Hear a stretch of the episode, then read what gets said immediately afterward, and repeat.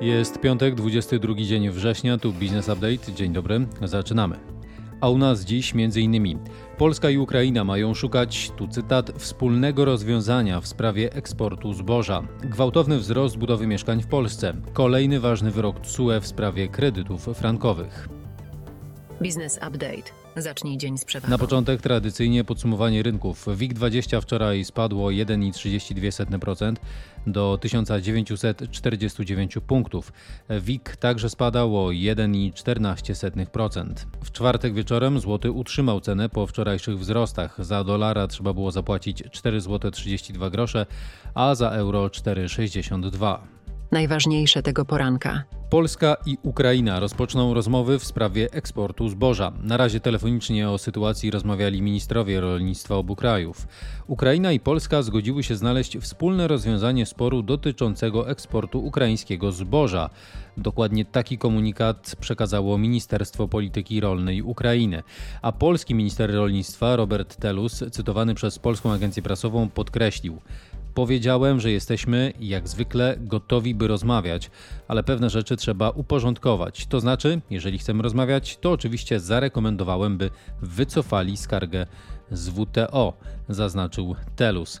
Tymczasem Rumunia dołączy do koalicji państw, które wprowadziły embargo na import ukraińskiego zboża, ale jedynie wstępnie na 30 dni. To po to, by dać czas na rozmowy. Również Chorwacja nie pozwoli na import płodów rolnych z Ukrainy, przy czym zezwoli na tranzyt. Bułgaria natomiast nie przedłużyła embarga, co wywołało protesty lokalnych rolników.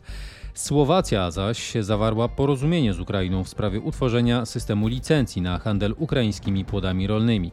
W związku z powyższym rząd Ukrainy wycofał skargę złożoną wobec Słowacji do wspomnianej Światowej Organizacji Handlu gospodarka i makroekonomia. Ceny skupu podstawowych produktów rolnych spadły w sierpniu aż o 18,7% rok do roku, informuje GUS. Tymczasem od stycznia 2020 roku do czerwca 2023, a więc w sumie przez 2,5 roku, ceny żywności w Polsce wzrosły o 39%. To ósmy najwyższy wynik w Unii Europejskiej, wyliczyli ekonomiści Credit Agricole. Osłabienie polskiego złotego miało przyczynić się w 20% do takiego wzrostu cen. Gorszy performance od polskiej waluty wykazał w Unii tylko węgierski forint. Szef niemieckiej agencji do spraw sieci wskazuje, że sytuacja Niemiec dotycząca dostaw gazu polepszyła się w stosunku do ubiegłego roku. To w wyniku dywersyfikacji dostawców oraz ograniczenia zużycia. Pomimo zapełnienia magazynów gazu w 94%, agencja zwraca uwagę, że kryzys gazowy jeszcze się nie zakończył. Informacje biznesowe. Lulu Group, właściciel ponad 250 hipermarketów w rejonie Zatoki Perskiej, chce utworzyć w Polsce pierwsze w tym regionie Europy centrum logistyczne. Utworzenie centrum pozwoli lokalnym rolnikom na zwiększenie sprzedaży i ułatwi dostęp do rynków Zatoki Perskiej. Prezes Polskiej Agencji Inwestycji i Handlu oraz Lulu Group podpisali w czwartek porozumienie o współpracy, które ma usprawnić m.in. wymianę wiedzy. Echo Investment rozważa dywersyfikację biznesu i wejście w sektor budowy i zarządzania prywatnymi akademikami, widząc dużą szansę na wzrost w tym sektorze, podaje bankier.pl. Platforma miałaby wyglądać podobnie do posiadanej już w portfolio przez Echo Investment Resi for Rent, oferującej mieszkania na wynajem. W Jasiące koło Rzeszowa startuje budowa najnowocześniejszej na terytorium Polski bazy obsługi technicznej dla samolotów. Zleceniodawcą jest LOT AMS wchodzący w skład Polskiej Grupy Lotniczej. Inwestycja pochłonie około 216 milionów złotych, a potrwa 21 miesięcy. Zatrudnienie znajdzie w niej około 350 osób, głównie z wykształceniem technicznym. W bazie będą mogły być serwisowane jednocześnie dwa samoloty szerokokadłubowe. Za wykonawstwo odpowiedzialne są spółki z grupy Polimex. Na New Connect obserwowany jest rajd notowań spółek konopnych. Na czwartkowej sesji akcje Hemp and Health zdrożały o ponad 50% po opublikowaniu informacji o dostarczeniu pierwszej partii marihuany medycznej o zawartości ponad 20% THC co potwierdza prawną możliwość i wykonalność dostaw. Jak informuje Puls Biznesu, obecnie spółka stowarzyszona z Hemp Health stara się o zarejestrowanie działalności jako hurtownia i wykonywania dostaw we własnym zakresie. W trakcie sesji drożały również pozostałe spółki z branży konopnej. Rupert Murdoch, założyciel m.in. kanału Fox News oraz News Corp w wieku 92 lat, ustąpił ze stanowiska prezesa obydwu korporacji. Stery przejął jego syn. W 2019 roku przedsiębiorca sprzedał na rzecz Disney prawa m.in. do komiksów Marvela czy National Geographic. Do konglomeratu Mardocha należą jeszcze obecnie The Wall Street Journal oraz New York Post. Fuzje i przejęcia, inwestycje i venture capital. Spółka zależna Wurf Faga Schmidt ponownie wzywa do sprzedaży wszystkich akcji Team, ponownie za cenę 50 zł 69 groszy za akcję. Zapisy będą przyjmowane przez miesiąc od 28 września. Wzywający będzie chciał wycofać spółkę z giełdy. Wezwanie odbędzie się pod warunkiem zgody na koncentrację. Poprzednie wezwanie z kwietnia zakończyło się bez uzyskania takiej zgody u Okiku. Akcje Team zakończyły czwartkową sesję z ceną 48 zł 70 groszy. Orlen potwierdził chęć przejęcia azotów Puławy, to z uwagi na liczne synergie. Jak powiedział prezes koncernu Daniel Obajtek, Puławy nie znają żadnej innej przyszłości, jak być z Orlenem. A teraz w sekcji informacji biznesowych dzisiejszego wydania Business Update pozwolimy sobie na mały kącik piłkarski. Jest ku temu dobra okazja, bo Legia Warszawa wygrała wczoraj po bardzo dobrym meczu w ramach Ligi Konferencji ze zdecydowanie wyżej notowaną drużyną, reprezentantem Premier League Aston Villa 3 do 2. I jak podaje serwis sportowe Fakty, do klubowej kasy warszawskiego klubu wpłynie za to zwycięstwo pół miliona euro. Przy obecnym kursie europejskiej waluty to daje ponad 2 miliony 300 tysięcy złotych.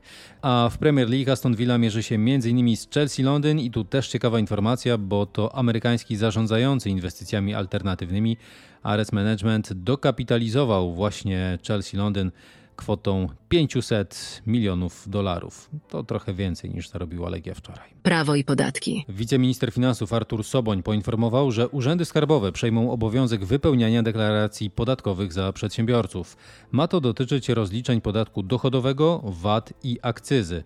Do realizacji tego założenia niezbędne jest jednak zintegrowanie systemów informatycznych administracji skarbowej.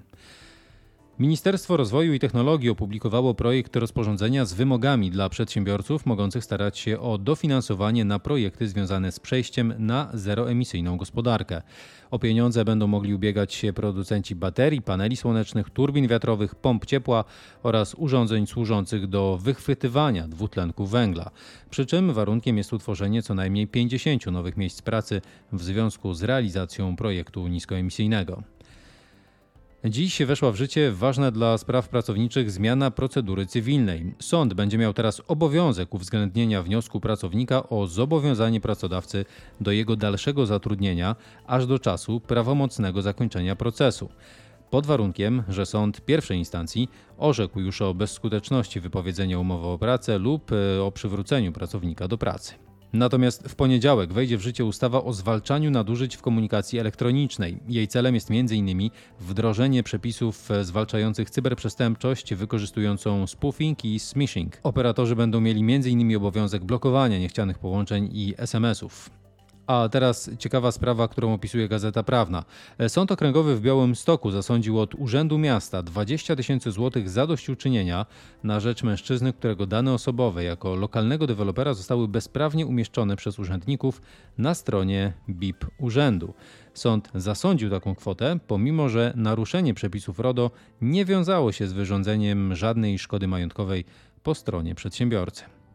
Trybunał Sprawiedliwości Unii Europejskiej wydał ważny wyrok dotyczący tzw. Tak kredytów frankowych. CUE orzekł, że do uznania, że postanowienie w umowach kredytowych jest abuzywne, wystarczy, aby jego treść odpowiadała treści postanowienia umownego wpisanego do polskiego rejestru takich klauzul niedozwolonych. Poza tym CUE orzekł także, że przedsiębiorca, a więc bank, ma obowiązek poinformowania konsumenta o istotnych cechach zawartej z nim umowy oraz o ryzyku związanym z tą umową i to nawet wówczas, gdy konsument jest jego pracownikiem i posiada odpowiednią wiedzę w dziedzinie wspomnianej umowy. Dane i badania rynkowe. Na początek ciekawe dane dotyczące rynku mieszkaniowego. O 2% rok do roku do 18 312 spadła w sierpniu liczba mieszkań oddanych do użytkowania, poinformował wczoraj GUS. Natomiast także w sierpniu wzrosła liczba rozpoczętych budów mieszkań i to aż o 39,4% do niemal 18 tysięcy. Tymczasem w Warszawie liczba ofert mieszkań na wynajem wzrosła o 80% rok do roku, tak wynika z danych Oto Dom. W tym samym czasie liczba ofert sprzedaży skurczyła się o 48%. Do 8,2% wzrósł w sierpniu udział e-handlu w ogólnej sprzedaży detalicznej, podał GUS. Wartość sprzedaży internetowej w raportowanym okresie wzrosła o 6,2% miesiąc do miesiąca.